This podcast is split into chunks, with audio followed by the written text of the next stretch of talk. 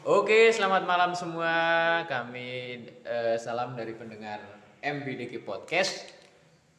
Bersama saya Eko Setio Budi dan teman saya yaitu siapa, Om? Mas Adi Gendut. Ah, Mas Adi Kendut, ya. Eh, mungkin kalian bisa bertanya-tanya, kok bisa dikatakan Mas Adi Kendut ini kenapa? Karena ya pasti gendut. Itu udah pasti. Dan itu panggilan dari kecil. Jadi karena badannya agak gendut, nah, terus dipanggil Adi Gendut gitu ya.